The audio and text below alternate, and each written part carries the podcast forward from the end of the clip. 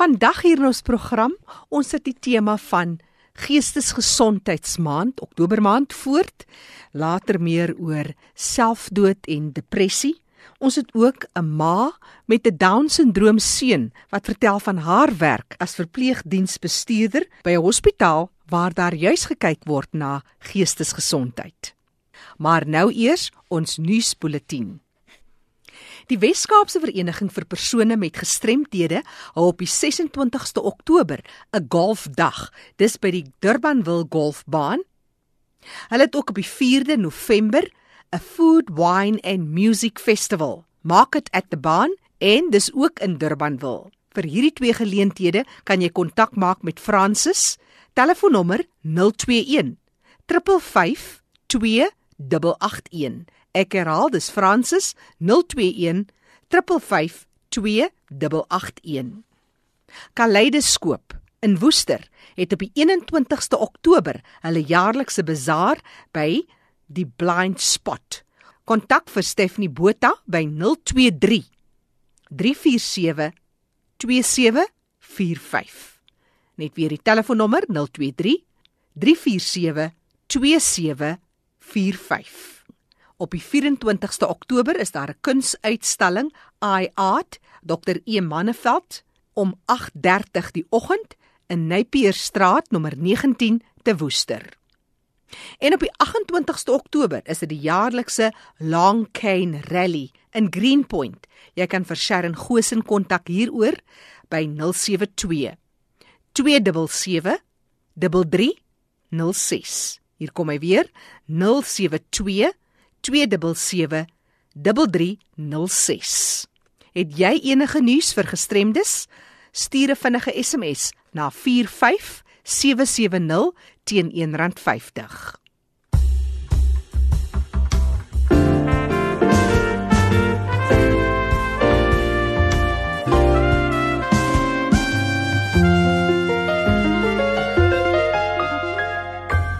Jy luister na RSG op 100 tot 104 FM. Onthou ook ons webtuiste rsg.co.za. Dis die program Leefwêreld van die gestremde. Ons fokus in ons program oor Geestesgesondheidsmaand, maar vir al die afgelope week, die 10de Oktober, internasionale Geestesgesondheidsdag. Ek gesels met Adri Kutse. Adri is by Akeso in Parktown. Nou nou meer oor die naam en waar dit vandaan kom. Adri, maar jy het nou 'n vreeslike mooi nuwe naam, maar eintlik is jy matrone daar in die Parktown se hospitaal waar mense met geestesgesondheid opgeneem word. Hulle noem dit nursing services manager of verpleegdiensbestuurder, maar in die ou dae het ons maar sommer gepraat van matrone. Ons neem mense op ehm um, emosionele ag depressie, angs, um, bipolêre geestesversteuring. Mense gaan deur krisisse of daar gebeur iets in hulle lewe en hulle sukkel om met die alledaagse lewe te kan aangaan. Net vinnig Akeso, dit is 'n uh, waar kom die woord vandaan? Akeso is in die Griekse mitologie, is dit die naam van een van die susters wat staan vir vir algehele gesondheid. So dis gesondheid, liggaamlike gesondheid as ook geestelike gesondheid. Dit fokus nie net op een deel van 'n persoon nie, maar oor die op die hele persoon. Nou Adri, en die liewe vader het toe nou gedink jy is die regte mamma vir 'n seentjie omtrent meer as 20 jaar gelede met down syndroom. Vertel ons vinnig jou storie. Dis reg. Ek is was iets swanger geword en ehm um, die gewone toetse word mos maar baie keer gedoen en dan kom daar resultate en dan moet mens nou maar besluite maak en toe het ek gehoor dat my babatjie wat ek daai tyd verwag het is down syndroom en so ons het nou maar besluit dat die babatjie gaan gebore word.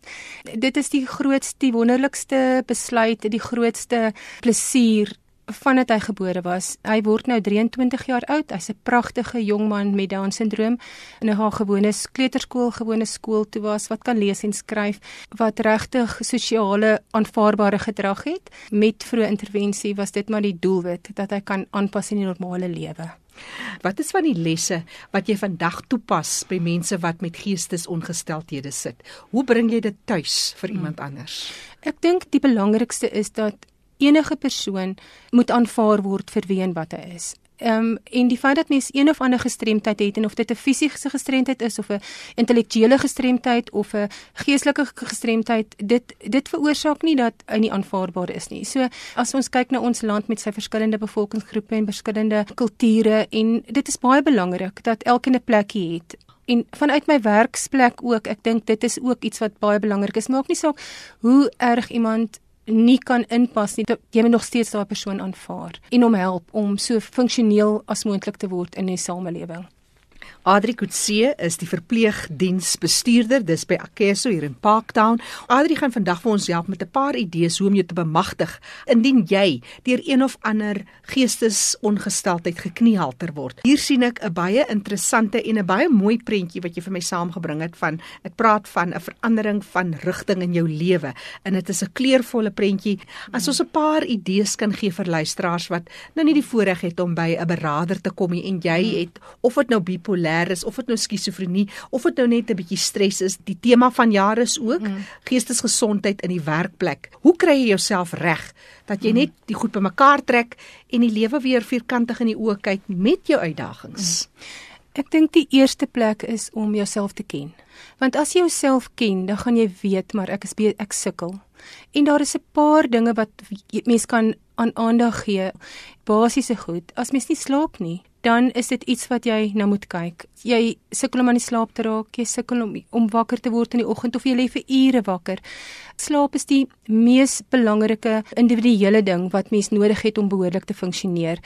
Soek hulp. En dan as jy sien daar's 'n verandering in jou eetpatroon, as jy ewe skielik sukkel om te eet of as jy ewe skielik net verskriklik baie eet, as jy net 'n lusteloos het en jy het nie lus om in die oggend op te staan nie en jy het nie lus om werk toe te gaan nie. Dis alles tekens wat sê maar kyk bietjie na myself.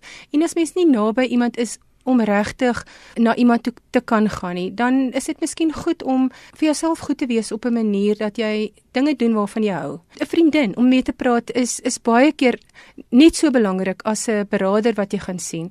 Partykeer is dit nodig dat mens net buite jou familie 'n bietjie ondersteuning moet kry. As jy kan 'n stokperdjie of sommer net gaan doen jou hare of doen net iets wat vir jou lekker is, wees vir jouself goed. En jy moet nie skuldig voel nie, want as jy beter funksioneer, dan kan jy 'n beter hulp vir almal rondom jou wees. Daar's navorsing wat wys dat 1 uit elke 6 mense wêreldwyd op 'n of ander manier deur stres gevang word. Van daai klompie mense wat miljoene verteenwoordig, ja, gaan minder as 50% uiteindelik vir hulp. Maar as ons kyk na byvoorbeeld gestremde kinders, gestremde ouers, gestremde familielede, hoe hanteer die ondersteuner dit alles. Of as jy self 'n gestremde persoon is en en jy moet lewe met al die ander uitdagings in 'n minderheidsgroep, wat sê jy?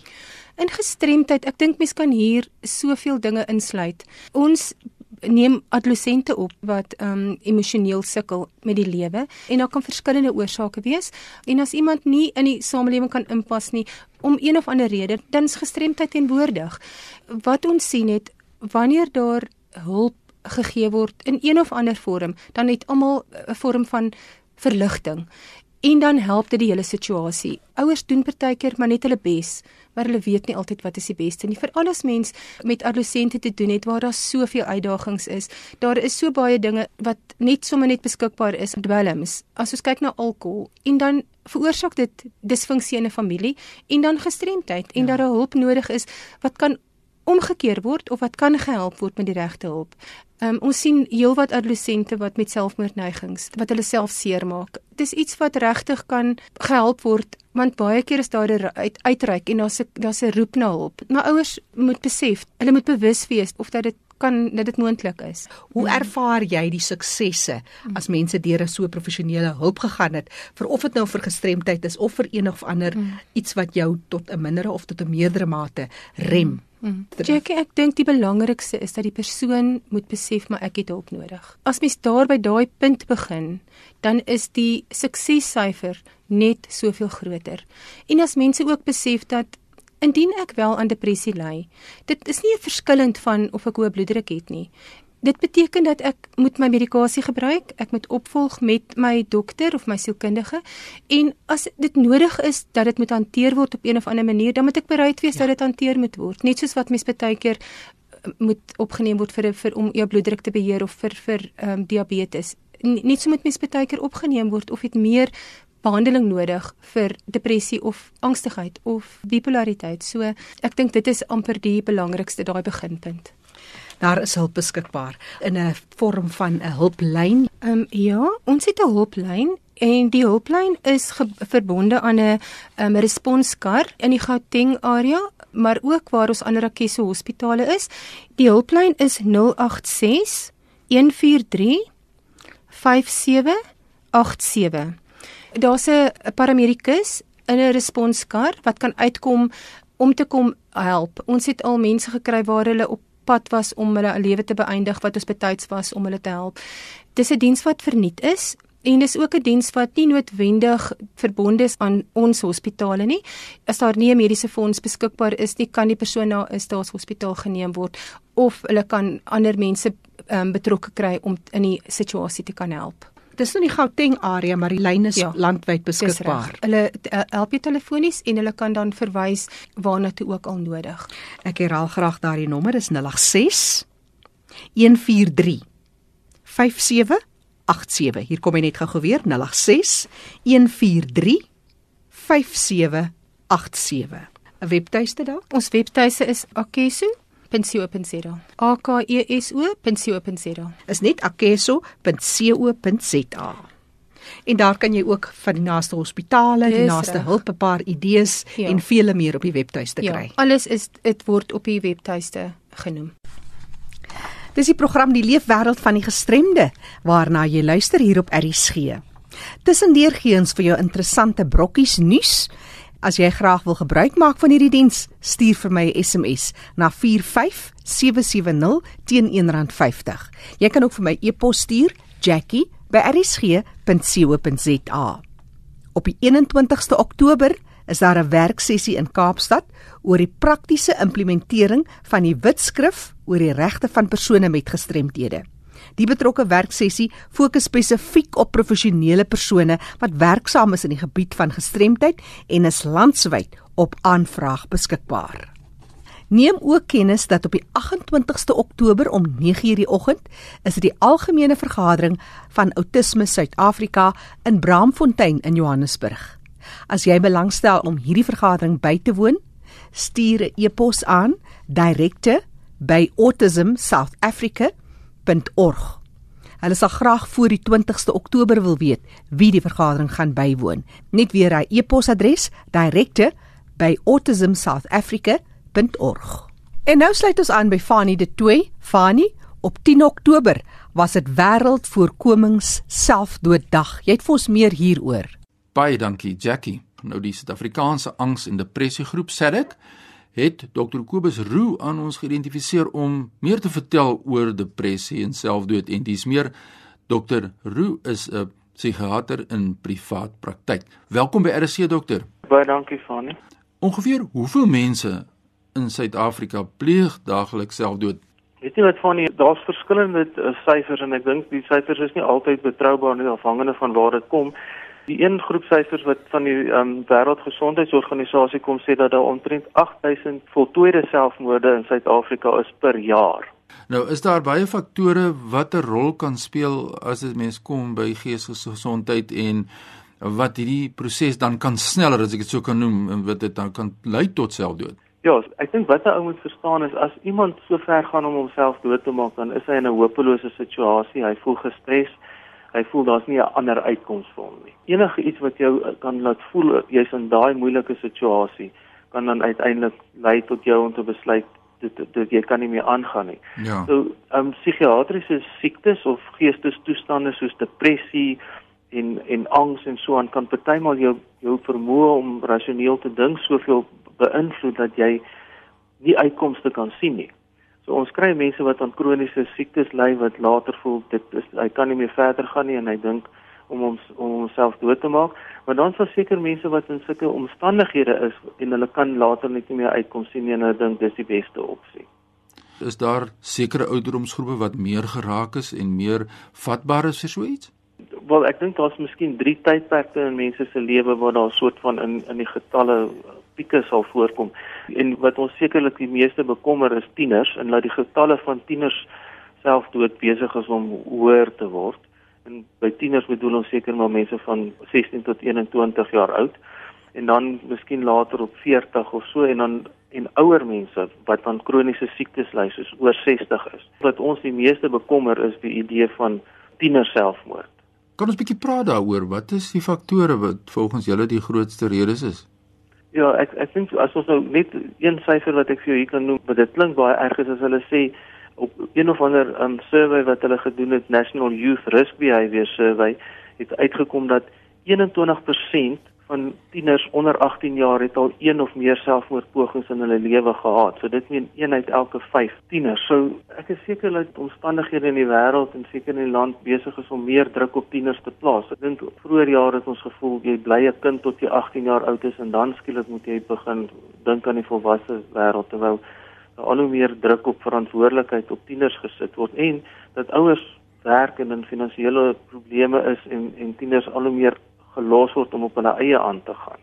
Die sosiale media, as 'n mens nou daarna kyk, is daar al navorsing gedoen? Wat is jou persoonlike mening oor die invloed wat dit kan hê op tieners? Ja, wel, okay, so ek kan sê dat dat my persoonlike mening is, ek weet nie wat die navorsing sê nie dat dit 'n definitiewe groot effek het. Ek weet televisie en dan seker um YouTube en al daai goed het 'n groot effek op wat kinders aan gewoond raak in die wêreld. So hulle word blootgestel aan dinge wat wat hulle ouers vroeër jare hulle kon teen beskerm het, maar nou word hulle daarvan bewus. En ek weet daar's baie tieners wat opgaan op websites om te kyk wat is die maniere wat mense kan selfmoord pleeg en sulke goeters lank voordat hulle dit regtig ernstig oorweeg. Ja, en die goed wat daar ook uitgesaai word is wreed soms, jy weet, dit is regtig brutaal en dit bekommer mense as ouer en grootouers oor die jeug van van môre en wat volwassenes is en die die impak wat dit het. het. Nou hoe vergelyk Suid-Afrika in julle veld ja, oor as Suid-Afrika se situasie? En dis hoekom ek sê daar's altyd verskillende tipe syfers. As mens na syfers kyk wat die wêreld gesondheidsorganisasie hier in 2011 uitgegee het, is Suid-Afrika nog redelik laag op die ranglys en lande soos Amerika, Engeland en um Swede is dit omtrent um 20 tot 10 tot 20 mense uit 100 000 wat 'n selfmoordpoging het, terwyl Suid-Afrika op 2 of 3 gesit het.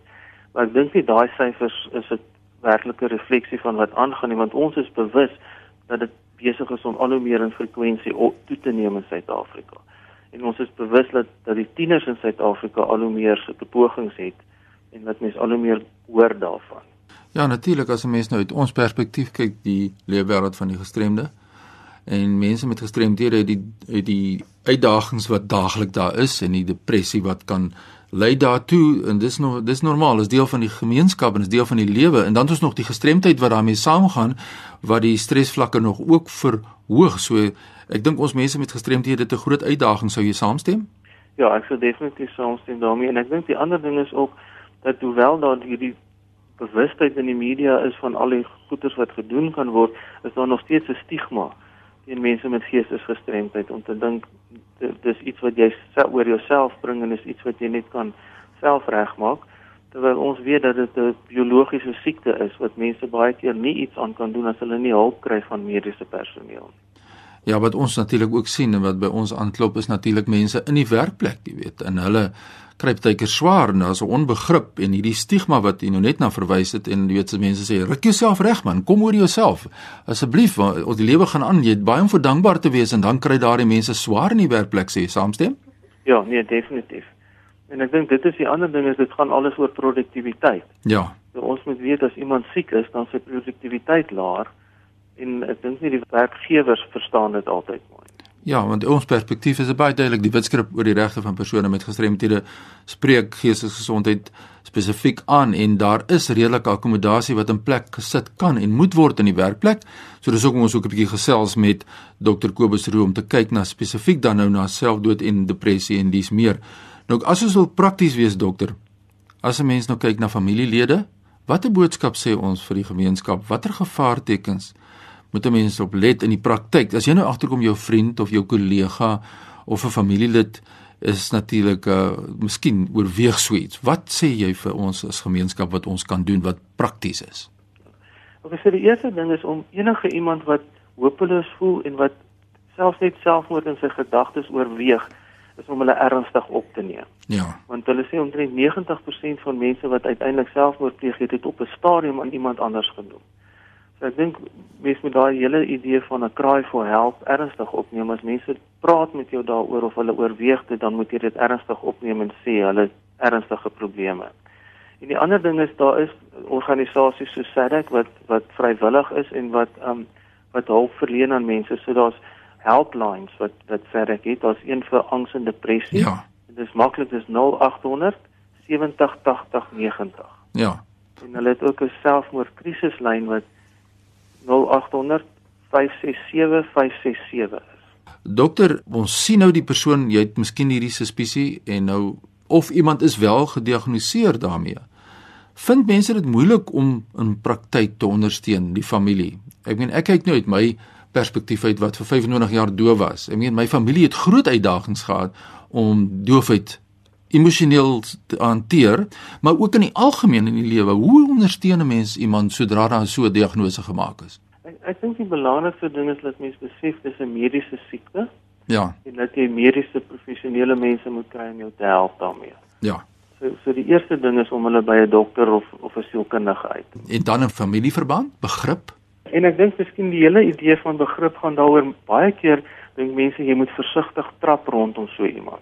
En Mm. dit is eintlik die verkeerdste ding. Jy moet so normaal as moontlik met hierdie persoon wees, maar jy moet besef hy ly aan 'n siekte en jy moet dit hanteer soos enige ander siekte wat iemand het wat 'n ernstige siekte is. Met ander woorde, depressie is net so ernstige siekte soos wat hartaanval of diabetes is. En as mens dit besef en jy, jy kan enigiemand hanteer soos wat jy iemand met kanker hanteer, dan besef jy dis dieselfde ding. As jy nou 'n boodskap het aan die breë gemeenskap, sou dit wees rondom 'n groter bewustheid wat geskep moet word of wat sal jy voorstel moet gedoen word in Suid-Afrika? Ons het net nog gehoor van hierdie tendense in die voorkoms. Ja, ek dink wel ek dink die die groot ding van geestesiektes wat ons nou al jare aan beklei is die stigma dat mense dit in die kas wil toesluit. So mense moet bewus wees dat dit rondom ons is, dat dit algemeen is. Depressie se voorkoms is omtrent 15% van die samelewing wat op 'n stadium aan depressie ly. So mens weet dis 'n ernstige siekte, maar dis 'n siekte wat enige iemand aan kan ly en wanneer jy aan die siekte ly, is dit nie 'n skande nie, dis 'n siekte en jy het hulp nodig soos vir enige ander siekte. Ja, dis waardevolle raad. Dr.